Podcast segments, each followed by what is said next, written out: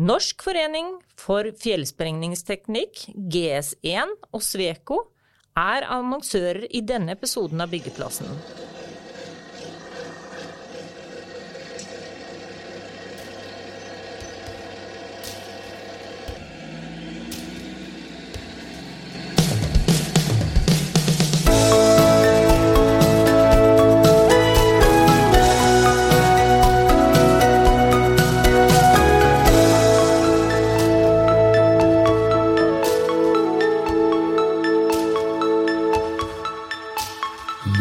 Kommunene for detaljfokusert, eller er det utbyggerne som strekker strikken for langt når reguleringstempoet går ned? Det har vi lyst til å finne ut av i dagens episode av byggeindustrienbygg.no sin podkast live her ifra Arendalsuka.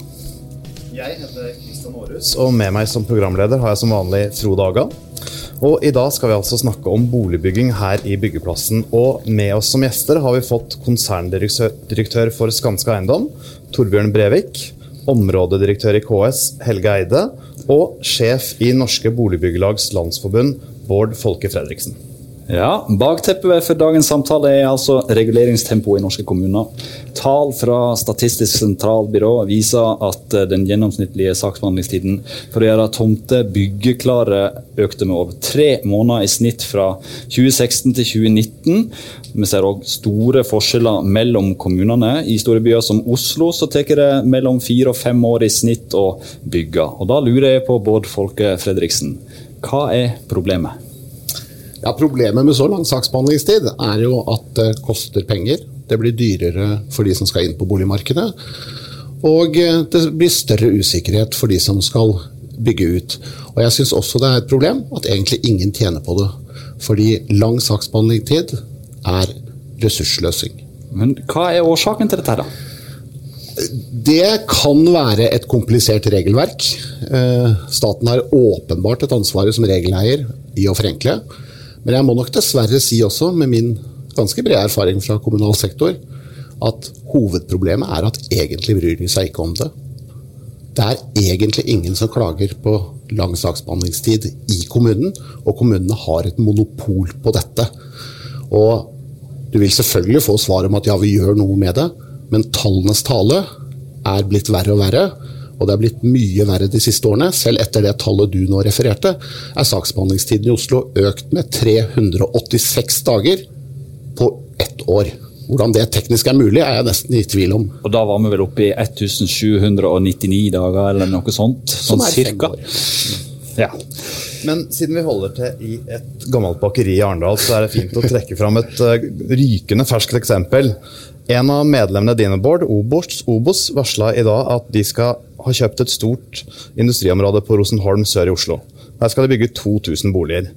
Og så sier de også at det tar nå mellom seks og sju år før de boligene kommer ut til salg. Er ikke det veldig lenge? Jo, det er veldig lenge. og Det innebærer at boligprisene vil fortsette å vokse før man får stimulert eh, tilbudssiden. Fordi eh, alle diskuterer boligprisene, men det er ingen som diskuterer hvorfor boligprisene vokser. Og jeg er helt sikker på at vi hadde aldri sett den boligprisveksten vi har sett de siste årene, hvis det ikke hadde vært for at det er langt flere mennesker som har mulighet til å ønske om å kjøpe en bolig, enn det finnes boliger til salgs. Så saksbehandlingstiden gjør ikke bare boligbyggingen dyrere, men det gjør også at tilbudet av boliger blir for lite i forhold til det antallet som trenger å kjøpe, og det i seg selv presser prisene oppover. Kommunesektoren sin representant, du skal få ordet etterpå. Du klør sikkert etter å komme til. Men eh, vi får ta inn Skanska eh, fra utbyggersida og eiendomssida, egentlig. Eh, Torbjørn Brevik, du um, hva slags konsekvenser får det for det utførende leddet og eiendomsleddet med lang saksbehandlingstid? Jeg støtter mye på det Bård Folke sier, tilbud og etterspørsel. og når, når, det offentlige eier prosessen og har en monopol på prosessen, så må jo de ta et særskilt ansvar for, for prosessen. Og så tror jeg det er sammensatt på årsakssiden. Nå tror jeg nok både utbyggere og det offentlige må ta et felles ansvar for. Eh, men skal vi komme litt til spørsmålet ditt om hvilke konsekvenser det får, det er jo det eh, Hvis vi skal ta på noe økonomihatten først, så betyr jo det at vi binder mer kapital lenge i prosjektene. Så det er mer kapital som er bundet per bolig. Det er det ene, og det koster penger. Eh, det, det andre det fører til, det er jo at vi som utvikler og entreprenør, vi vi får jo ikke da iverksatt produksjonsleddet vårt. Da står jo mine kollegaer de, de står da klar til, til, å bygge dette, og de igjen kontraherer snekkere, eh, fag, fagansatte, funksjonærer, andre UR. De kommer ikke i gang. Og, og, Da stopper litt prosessen opp, og vi får ikke da sirkulert egentlig kapital til å bygge nye prosjekter. Så det stopper litt opp, og, og det syns vi er fryktelig trist. Du er jo inne på det at tid er penger, og eh, jeg lurer jo litt på det hvis det får økte utgifter da, i en sånn venteperiode, hvor henter det de pengene da? Er det boligkjøper som må betale mer, eller er det det som må slanke marginene litt? Altså Til syvende og sist så blir det at bolig, boligkjøperne får en dyrere bolig fordi at du, eh, boligprisene går opp når tilbudet er for lavt. Og når boligprisene går opp, eh, så, så, må jo de betale mer. Eh, og hvem er det som sitter igjen med store avkastning i dag? Jo, det er tomteeierne. For det er tomteprisen da som drives opp. Og vi ser jo da eh, på noen få år så har jo tomteprisene gått fra 10 000, kvadrat, 10 000 per kvadratmeter i i Oslo, til nå 25, kanskje opp til 45 i noen av våre prosjekter. Så det er de som stikker igjen med avkastning. Men nå har vi hørt fra utbyggerne. Helga Eide i KS, hva er din kommentar til dette?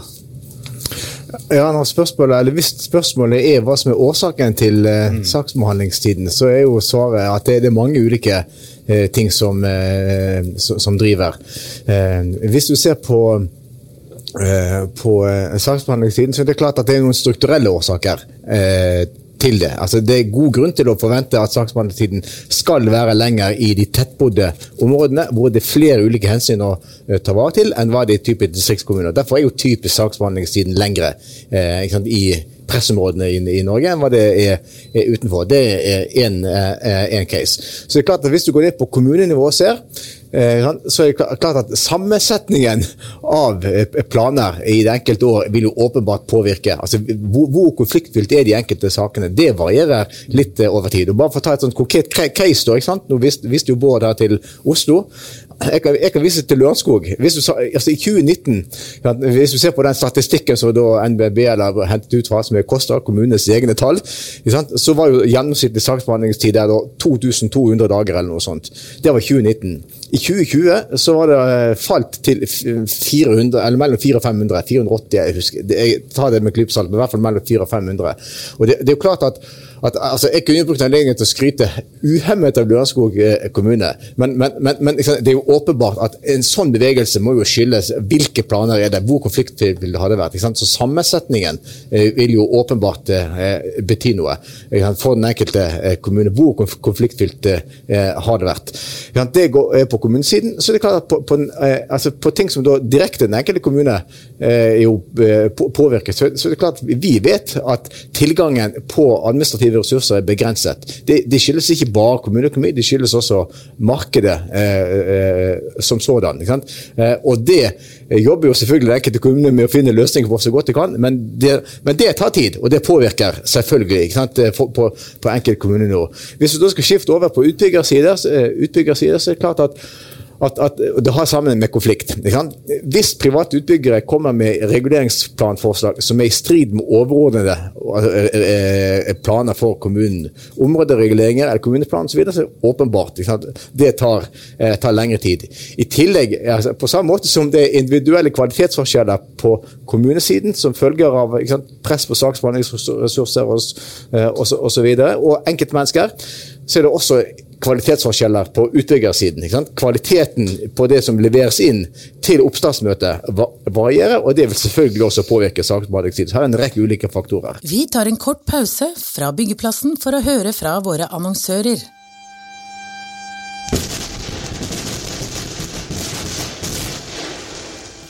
Vi sprenger grenser. Utfordringer i dagen, løsninger i grunnen. Hilsen oss i NFF, Norsk forening for fjellsprengningsteknikk. Vi er der det skjer. Besøk vår stand under Arendalsuka. Og da er vi tilbake på byggeplassen. Men altså, to, to største byene i Norge, Oslo og Bergen. Det skiller altså fra 1799 mm. dager i Oslo til i overkant av 500 i Bergen. Det er mange av de samme utbyggerne. Hvorfor er forskjellene så store? Ja, jeg, tror når, det gjelder eh, akkurat Oslo kommune, som jeg skjønner liksom, det er så svært at det påvirker det nasjonale bildet, så er nok den dialogen eh, best å ta med, eh, med Oslo kommune. Vi, vi, vet om, om bl.a. politiske vedtak i, i, Oslo kommune som skal gjennomføres. Altså det, altså det, er den kommunen i Norge hvor det er aller tettest, ikke sant? i utgangspunktet i de, i de områdene som er mulig å bygge på, Uten, utenfor eh, markagrensa. Hvor, hvor, eh, hvor, konfliktpotensialet er aller størst. Det er, gode, det, er grunner til å forvente at saksbehandlingstiden skal være eh, høyere, klart høyere i Oslo enn hva det er i gjennomsnittet, også av, av, av større norske kommuner, eh, men selvfølgelig også land, landet som helhet. Og så er det individuelle ting som Oslo kommune eh, er nærmest til å til å svare på. For de som ser oss på stream, så er det lett å se at vi vifter litt med armene her. Nå er det mange som har lyst til å si noe. Vi begynner med Skanska, så kan Bård Folke få ordet etterpå. Jeg si, si, det at det er mulig å få til ting i Oslo i to år. Vi har nylig regulert uh, et prosjekt i Skedsmogata 25 på to år i, i Oslo. den er ute nå til, salgs, la ut det forrige uke faktisk. Så det er mulig å få til ting i Oslo også. Og så, så er du inne på noe, ja. det er noe med kompleksitet å gjøre, noe med kompetanse, noe med prosess. Men jeg tror det aller viktigste det ligger litt i den relasjonskompetansene både hos kommunen og hos utbyggerne til sammen å sette seg mål. Hva er målet med denne utbyggingen? Få på plass de virkelig store målsetningene med prosjektet. Og så jobbe sammen i en god dialog, for det er så komplekst å drive med eiendomsutvikling. Det er så mange forhold som må tas, alt fra naboer til alt. Så må jobbe gjennom å ha god dialog fram til beslutningspunktene. Ikke, sant? ikke komme med veldig divergerende synspunkt i beslutningspunktene, men jobbe kontinuerlig sammen. Det tror jeg, og det ser vi også på de, våre prosjekter under regulering. så ser vi at Det er litt ulik, altså, ulik eh, relasjonskompetanse hos våre, våre folk også. Vi ser noen er veldig flinke til å holde en god prosess er flinke på det, mens andre er, er, ikke så flinke. Og jeg tror Å styrke den relasjonskompetansen på begge sider tror jeg er en, en stor del av løsningen, enn å grave seg ned i planbestemmelser i plan- og bygningsloven. Jeg anerkjenner de tingene Helge Eide og KS sier. For det er klart det er krevende i en tett by å regulere. Og kommunen skal ta helhetsansvaret. Det er jo på en måte en vanskeligere oppgave enn vi som utbyggere. Men, og nå er mennet mitt, saksbehandlingstiden har økt og økt. Jeg tror det er tidspunktet er kommet til at vi er nødt til å si at nå er vi nødt til å gjøre noe ekstraordinært. Vi kan ikke lenger snakke om dette problemet, vi er nødt til å gjøre noe med det. NBBL har sammen med forskningsmiljøet på Ås, NMBU, gjort en gjennomgang av hvor i Norge det er vanskeligst for en typisk førstegangskjøper å komme seg inn. Og til vår overraskelse det er ikke noe overraskelse at Oslo er det mest krevende, hvor man bare har råd til kanskje i underkant av 1% av boligene. Men vi ser at mange norske byer, Bodø, Tromsø, Drammen, Fredrikstad, Ringerike, har hatt en fallende andel av boligene som en førstegangskjøper har råd til. Og hva er felles for alle disse stedene jeg nevnte nå? Jo, at i løpet av ett eller to år så er saksbehandlingstiden blitt forlenget med ett år. Det er altså nesten sånn at du kan se de kommunene som har lengst saksbehandlingstid, har også det mest krevende boligmarkedet. Men når du sier at du skal gjøre noe ekstraordinært, da lurer jeg på hva det ekstraordinære skal være. Og så har du nevnt ordet monopol to ganger. Er det noen andre som skal inn og hjelpe kommunene her, da? Jeg tror ikke noen andre enn kommunene skal bestemme eh, over arealbruk. Sånn tror jeg det er i største del av vestlig verden, og kanskje er det klokt. Men når man har monopol, så pålegger det også et spesielt ansvar for å passe på at man ikke bruker unødvendig lang tid. Og jeg har lyst til å si Vi innledet denne dialogen med KS i våres. Veldig konstruktivt eh, grep fra din side, Helge, var at du inviterte inn tre plansjefer i møte med NBBL. Men det mest interessante jeg satt igjen med etter det møtet, var at plansjefen i Kristiansand sa i Kristiansand har det vært et mål gjennom to tiår, både administrativt og politisk, at vi skal gjøre vårt til at det er kjøpers marked i Kristiansand. Og gjett hvilken stor by i Norge som har klargjort flest tomter for boligbygging. Gjett hvilken kommune i Norge som har hatt flatest prisutvikling, og som faktisk har økt den andelen av førstegangskjøpere som har råd til å komme seg inn på markedet. Skulle ikke forundre meg om det var Kristiansand, da. Det er riktig. Det er Kristiansand. Og det er mitt poeng er Dette handler ikke bare om kompleksitet og en stat som lager altfor detaljerte lover og regler. Det handler også om kommunens holdning, og der er Kristiansand et foregangseksempel som jeg skulle ønske KS reiste opp og løftet opp og viste kan ikke resten av Norge også gjøre det de kan for å bidra til kjøpersmarked? Så ikke look to Norway, men se til Kristiansand. Det er det vi skal gjøre. Du nevnte jo Bergen også som et sånt positivt case. Jeg tror nok det er mange som også sett fra utbyggers side kunne vært trukket fram som gode eksempler. Men jeg har lyst til å kommentere to ting. For først er jo dette med relasjonskompetanse, som Skanska her tar opp. Det, det, det er jeg helt enig i. Altså, klokskap i, i, håndtering og respekt for hverandres roller, det, det er en nøkkel for å, eh, for, for å lykkes. Eh, og, og så tenker jeg, Hvis jeg skal være, liksom, for, gi en liten sånn utfordring tilbake, da, klart, så, så, er det noe av relasjonskompetansen handler jo også da nemlig om å kanskje altså, respektere hva som er kommunenes rolle. Altså, altså, når kommunene har lagt noen overordnede planer eh, for samfunnsutviklingen eh, for sitt område, kan, eh, kan være enig eller uenig i de, og, og, de riktige stedene å påvirke de prosessene er jo i forbindelse med kommuneplanprosessen. Eh, stort sett. Men når det en gang foreligger politiske vedtak, så er det veldig greit å ta utgangspunkt i at de faktisk gjelder. Og Det gjelder f.eks. også i, i, Oslo når det gjelder politiske vedtak om sammensetning av, eh, av bomiljø miljøer som, som, som eh, utgangspunkt, og de kravene som de setter seg. Kan være enig eller uenig i det, men ta det i kommuneplanprosessen. Og så er det selvfølgelig eh, avgjørende fra begge sider å tenke eh, relasjoner. Og det vil være meningsløst eller dumt rett og slett fra kommunens side å ikke benytte de ressursene og den kompetansen som faktisk finnes i utbyggere, på hvordan smarte løsninger kan utformes også planmessig for å ivareta de hensynene som kommunen da faktisk setter. Det, det var til det. Når, når det så gjelder eh, boligprisutviklingen, så vet jo vi at altså, i, en, i en markedsøkonomi så er det krysset mellom tilbud og etterspørsel eh, som, som, bestemmer det. Det trenger man ikke være siviløkonom fra Handelshøyskolen som jeg er for å skjønne. Det er umiddelbar sunn, sunn, sunn fornuft. Men, men, hva som påvirker tilbud og etterspørsel, det er flere ulike ting. Altså, jeg anerkjenner helt og fullt at, at, at uh, uh, lengden på planprosesser er noe som påvirker et tilbud. Eh, åpenbart. Men hvor sentralt det er for boligprisutviklingen, det er meg bekjent eh, liksom, oppe til diskusjon. Altså, det er liksom ikke sånn, sånn entydig. Det, ja, det er en sammenheng. men Det påvirkes jo selvfølgelig også av rentenivå. Det påvirkes av sysselsetting. Det påvirkes av det regionale bo, eh, boligmarkedet, eller arbeidsmarkedet. Eh, så, sånn. så det, det, er flere faktorer som påvirker det. Og, og, det påvirker også selvfølgelig av, av, av, eh, av eh, beslutninger som også utbyggere har ansvaret for. Som er den berømmelige diskusjonen om hvordan blir tomtereserven da, som faktisk eh, fins eh, benyttet. Så mitt poeng er liksom ikke å skyve ansvaret over, men mitt poeng er å si at her er det flere faktorer som påvirker boligprisutviklingen som det er viktig å ta hensyn til. Vi tar en kort pause fra byggeplassen for å høre fra våre annonsører. Bygg- og anleggsnæringen står for rundt 25% av avfallsproduksjonen i Norge. Skal vi klare å redusere avfall fra byggeplasser, trenger vi kontroll på hva som går inn og hva som går ut av en byggeplass. GS1s åpne globale standarder gir entydig produkt-ID og sporbarhet på varer gjennom hele verdikjeden.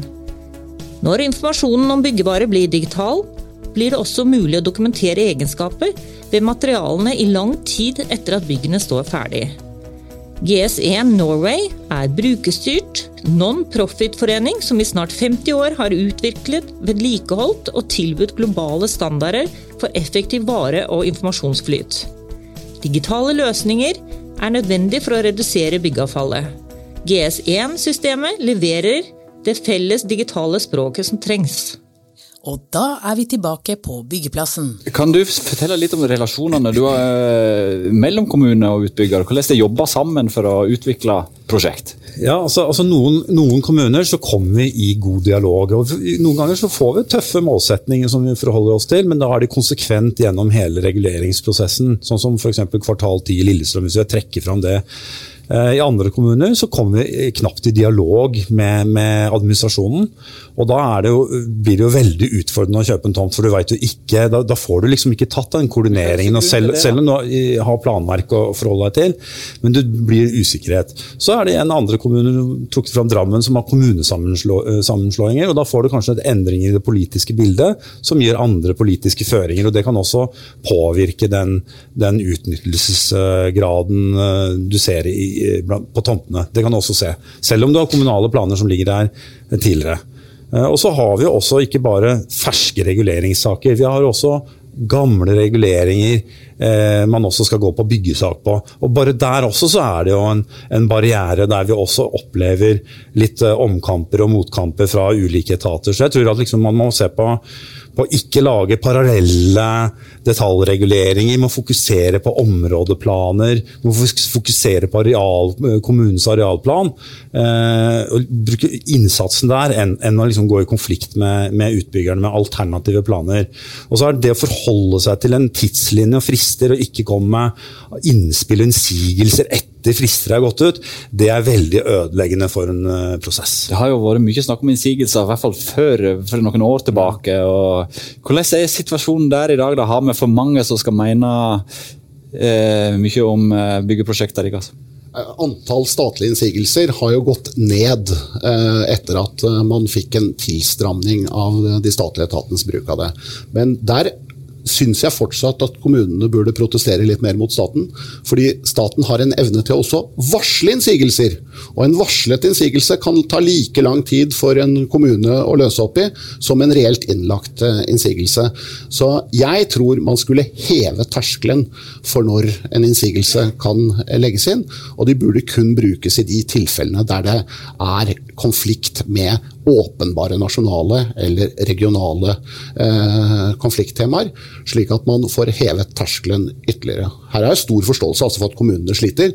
Fordi Hvordan er forholdet der med staten? For det første så er det viktig å si at der, der har det vært helt tydelig politiske grep eh, gjort, eh, gjort de, de, siste årene som har blitt merket, lagt merke til positivt. Eh, det er klart at terskelen er, er, hevet, og statsforvalterne har fått et tydeligere mandat og mulighet til å forsøke å, å samordne, eh, slik at liksom ikke ulike statlige eh, instanser gir dirigerende eh, syn på hva som skal gis eh, innsigelse på. Men klart det, det er riktig, det, det, det, vil være et evig konflikttema. og Selvfølgelig sett fra kommunesektorens side, så, eh, så vil nok synet alltid være at det, fortsatt altså er litt for mange som vil eh, protestere på det som er demokratiske vurderinger i den enkelte kommune av arealforvaltningen. Eh, Så det er, et, det er, et, tema, men, men, jeg har samtidig lyst til å si at altså, eh, Grunnen til at vi har det systemet, er jo nettopp fordi at det skal være et betydelig lokaldemokratisk ansvar. Tidligere hadde vi et system statlig godkjennelse av, av reguleringsplaner. Det var ikke noe fornuftig system. Så det, så det, det å ha kommunal sluttbehandling men eh, vi må respektere at det er noen viktige nasjonale interesser som, eh, som eh, nasjonale myndigheter må ha ansvar på å passe på. Og Da er innsigelsessystemet sannsynligvis det mest fornuftige eh, måten å, å, gjøre det på. Og så er det utfordringen at staten greier å koordinere seg eh, godt nok. Der er gjort betydelige framskritt, men det er selvfølgelig fortsatt noe igjen. Men staten, altså to av dere har sittet i regjering før. Nå har vi snart et valg. Det kan bli et regjeringsskifte. Hvordan tror dere boligpolitikken vil bli da? Vil det bli store forandringer for deres medlemmer? Jeg tror vi i Norge står ganske bredt sammen om noen store grep når det gjelder boligpolitikk, og det har vi gjort siden eh, etter krigen. Vi mener f.eks. at det er bra at folk eier sin egen bolig. Vi mener at uh, det er bra at flest mulig får tilgang til å spare i egen bolig, for det gir trygghet og uavhengighet. og Det tror jeg står uansett hvordan valgresultatet eh, blir. Eh, men jeg, jeg, jeg, håper og tror at den utviklingen nåværende regjering har hatt med å redusere antall statlige innsigelser på planene som behandles i kommuner, fortsetter. Fordi det har jeg må si det er ganske krevende å forholde seg til en stat som selv skal bygge, men to andre statlige etater legger inn innsigelse. Og Jeg var selv kommunalpolitiker og måtte da ta med meg de to statlige etatene som hadde innsigelser til den statlige etaten som skulle bygge ut, til den statlige fylkesmannen for å megle dette. Det er ikke lett for en kommune å løse, så her har jeg stor forståelse for at kommunene gjerne hev, he, vil ha terskelen eh, hevet. Og jeg håper også kommende regjeringer tar tak i dette. Men er det ett tema jeg skulle ønske at kunne komme inn i riksvalgkampen, så er det at Staten bør forenkle det regelverket de forvalter, enten det er plan- og bygningsloven eller TEK. Det ville utbyggerne selvfølgelig være glad for, men også kommunene, som har stor grad av skjønnsutøvelse på disse områdene. Og Jeg tror også at eh, Sammen kunne f.eks. utbyggere og kommunen gå til staten og også utfordre dem mye kraftigere på en digitalisering av planbehandlingen. Man har klart å digitalisere byggesaksbehandlingen, det er bra. Å se på hva man har fått til på skatteetatssiden med digital selvangivelse og sånne ting, det er jo en forenkling for oss alle. Det må være mulig å digitalisere store deler av planprosessen. Eh, men da må vi ha staten med oss som en partner eh, i dette. Eh, så der håper jeg at kommunesektoren og utbyggersiden har noe felles som vi kan utfordre regjeringen på, uansett hvem som har regjering etter oktober. Vi tar en kort pause fra byggeplassen for å høre fra våre annonsører. I Sveko er vi 17 500 eksperter som jobber med å forme fremtidens byer og samfunn på tvers av Europa. I rapportserien Urban Insight deler noen av våre kollegaer sin ekspertkunnskap innen alt fra byutvikling, bærekraftig bygg og nye former for mobilitet. Vil du vite mer? Sjekk ut svekourbaninsight.no. Og da er vi tilbake på byggeplassen. Vil ikke digitalisering også bedre kommuneøkonomi? Altså Man må jo bruke mindre penger på saksbehandling hvis mye av dette er klart i utgangspunktet? Ja, ja og åpenbart, altså ting, ting, som kan digitaliseres, det må digitaliseres. Det, det, det, altså I stort, hvis vi også går utenfor byggeindustriens uh, verden, så kan vi si det, det, er et av hovedgrepene for å sikre en bærekraftig offentlig sektor i fremtiden. Det er jo, er jo, nettopp det. Uh, og jeg, jeg, er enig med Bård at det, tenker jeg det er helt upåvirket av fargen på den politiske altså regjeringen som, som sitter et, etter valget. Det, det det skjønner åpenbart alle er, er veld, veldig fornuftig. Og nå vet vi om at det er betydelige eh, initiativ knyttet til digitalisering. altså Ikke minst for kommunesektoren sjøl. Altså, altså, ikke uavhengig av staten, men i hvert fall initiert fra eh, kommunesektoren sin sjøl. Så her er det noe å bygge på eh, som kan, eh, kan, gi effekt. Der er jeg helt enig med både at, at, at selv om initiativet kommer fra eh, kommunesektoren, så er det klart at staten må være med på på eh, laget for å, for å få de store eh, resultatene. Når det gjelder mer sånn regelforenkling, forenkling, eh, så er jeg nok litt mer tvilende til å, om det er realistisk å, liksom, å forvente liksom, noen, de, de, store grepene eller de store løsningene. Det har med igjen kompleksiteten eh, i, i, det, og at vi ønsker å være et demokratisk samfunn med, med, med, reelle muligheter for alle in, som har reelle, rettferdige, rimelige interesser i ulike saker. og gi sitt besyv i, i, i, sakene, og om ikke de blir hørt, så i hvert fall skjønne og få en begrunnelse for hvorfor man da eh, ikke blir hørt. Og Det fører jo til at det er noen prosesskrav som er, liksom, man må forvente ligger i bunnen eh, uansett. Og det er klart at Med økende kompleksitet, altså ikke minst for til spørsmål om ja, hvordan skal vi klimatilpasse eh, nye byggefelt, hvordan skal vi sikre overvannshåndtering som gjør at vi ikke overbelaster det som ligger under bakken. Ja? Mm. Det, det, altså, hvis ikke det blir tatt hensyn til på en stor, alvorlig måte og, og, og stilt klare krav sånn, fra, altså, fra, kommunene gjennom myndighetene man har i plan- og bygningsloven, sånn, og detaljert i, i, byggekravene, så gjør vi samfunnet stor bjørnetjeneste. og Det tror jeg også utbyggersiden har veldig stor forståelse for. At forenkling i form av å gjøre sånne ting mer utydelig, det er ingen god idé. Men der lurer jeg på hvordan den nye, Når du er inne på dette med overvannshåndtering og klima og og eh, en ny hverdag der. Hvordan vil den eh, klimarapporten som kommer fra FN nå for eksempel, påvirke Skanska da, i måten de tenker nye prosjekt på og bygger på? Her... Ja, inngripende. Eh, vi vil ta vår del av ansvaret og reisen til å bli klimanøytral. og Hvis du ser på overvannshåndtering, så er et, et prosjekt vi har i Bjørndalen som har et overvann, altså fordrøyningsanlegg på overflaten. Så det er én løsning. Eh, men det påvirker gjennomgående hele industrien. Eh, fra å være, bruke mer modulbaserte byggeteknikker, der du kan ta ned eller du kan gjenbruke hulldekker, sånn som gjorde fra regjeringskvartalet til storbylegevakten, eller modulære bygg, f.eks.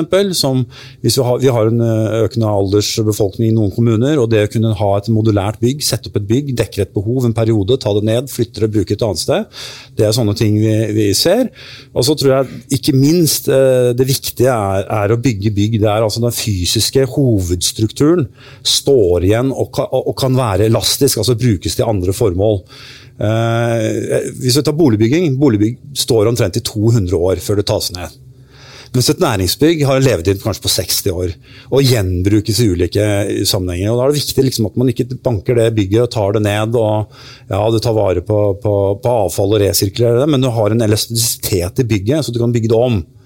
Eller så håper jeg også at byggherren i større grad tar, tar litt av det langsiktige perspektivet og f.eks. legger litt mer investering i fundamenter, slik at de eventuelt kan bygge på to etasjer på et senere tidspunkt når behovet oppstår. Jeg har f.eks. sett personer på sykehus i drift i USA. Full sykehusoperasjon, og så bygger du på to etasjer for, etter behovene, for du planla det i tidlig fase. Så, så, det er utrolig mange aspekter. Eh, og I tillegg til hvor er det vi bygger. altså Ref fra kvikkleire til, til flom, til andre formål og fordrøyning. Og det er klart eh, det, det, er en økende kompleksitet, og det griper inn i hele, hele Men det viktigste er, tenkte jeg, jeg, synes jeg, er å se liksom byggene i et levetidsperspektiv. Et langt perspektiv, der du ser investeringskostnad og driftskostnad i, i, i en total sammenheng. Det tror jeg er noe av nøkkelen. Du, du drog litt på smilebåndet når han sa 200 år og boliger, du. Heller ikke dine boliger i 200 år? Jeg er en veldig stor tilhenger av den norske eierlinjen, og jeg tenker at dette betyr hvor langsiktig vi som boligeiere tenker i forhold til næringsbygg. Det var litt sånn spøkefullt sagt. Men jeg har også lyst til å si at eh, jeg tror at dette er et område der norske kommuner og boligbyggere og utbyggingsinteresser har veldig, veldig mye felles. Og det kommer av at vi i MBBL er litt opptatt av en annen side enn det du snakker om. For vi er litt opptatt av hva med de eksisterende boligene. For de tekniske forskriftene, både de som eksisterer nå og er på høring nå, vel, før sommeren, eh, er jo veldig opptatt av nye klimakrav til nye bygg. Og det er vel og bra. Men hva med de boligene vi allerede har bygget? Det er tross alt 99% av alle boligene i Norge. Og det vil ta lang tid med det tempoet å, å, skifte dem ut. Så vi, eh, Norske Boligbyggelag er veldig opptatt av hvordan man skal få til å oppgradere eksisterende boliger til grønne bygg. Og særlig da i forhold til det som også går på fordrøyningsbassenger og sørge for at uh, vi klarer å avta med et mer variert og vått uh, vær uh, i årene som kommer. Så her er vi avhengig av å ha et godt offentlig og privat samarbeid, tillitsfullt, på en måte som gjør at vi kan løse disse oppgavene. Og her syns jeg det er synd at regjeringen så tydelig har gjort eh, rendyrket Enova mot et teknologispor og nyutvikling, og ikke ikke gir eh, midler tilbake til de som faktisk betaler inn eh, til Enova, nemlig eh, norske boligeiere. Der fikk vi kritikk fra en tidligere statssekretær til sin nåværende regjering, så da tenker vi å avslutte der. Vi får ikke ned reguleringstempoet her uansett i dag. Jeg representerer norske boligbyggelag i denne duellen, og det vil jeg fortsette å gjøre. Ja. Jeg tror uh, vi setter strek der, ikke det, Kristian? Vi har nådd våre timemålte 30 minutter. Tempoet er sånn, sånn, sånn som det skal være. Snittempo. Ja. Da sier vi tusen takk for at dere har hørt på Byggeplassen her fra Arendalsuka. Og så er vi tilbake med en ny live-versjon i morgen.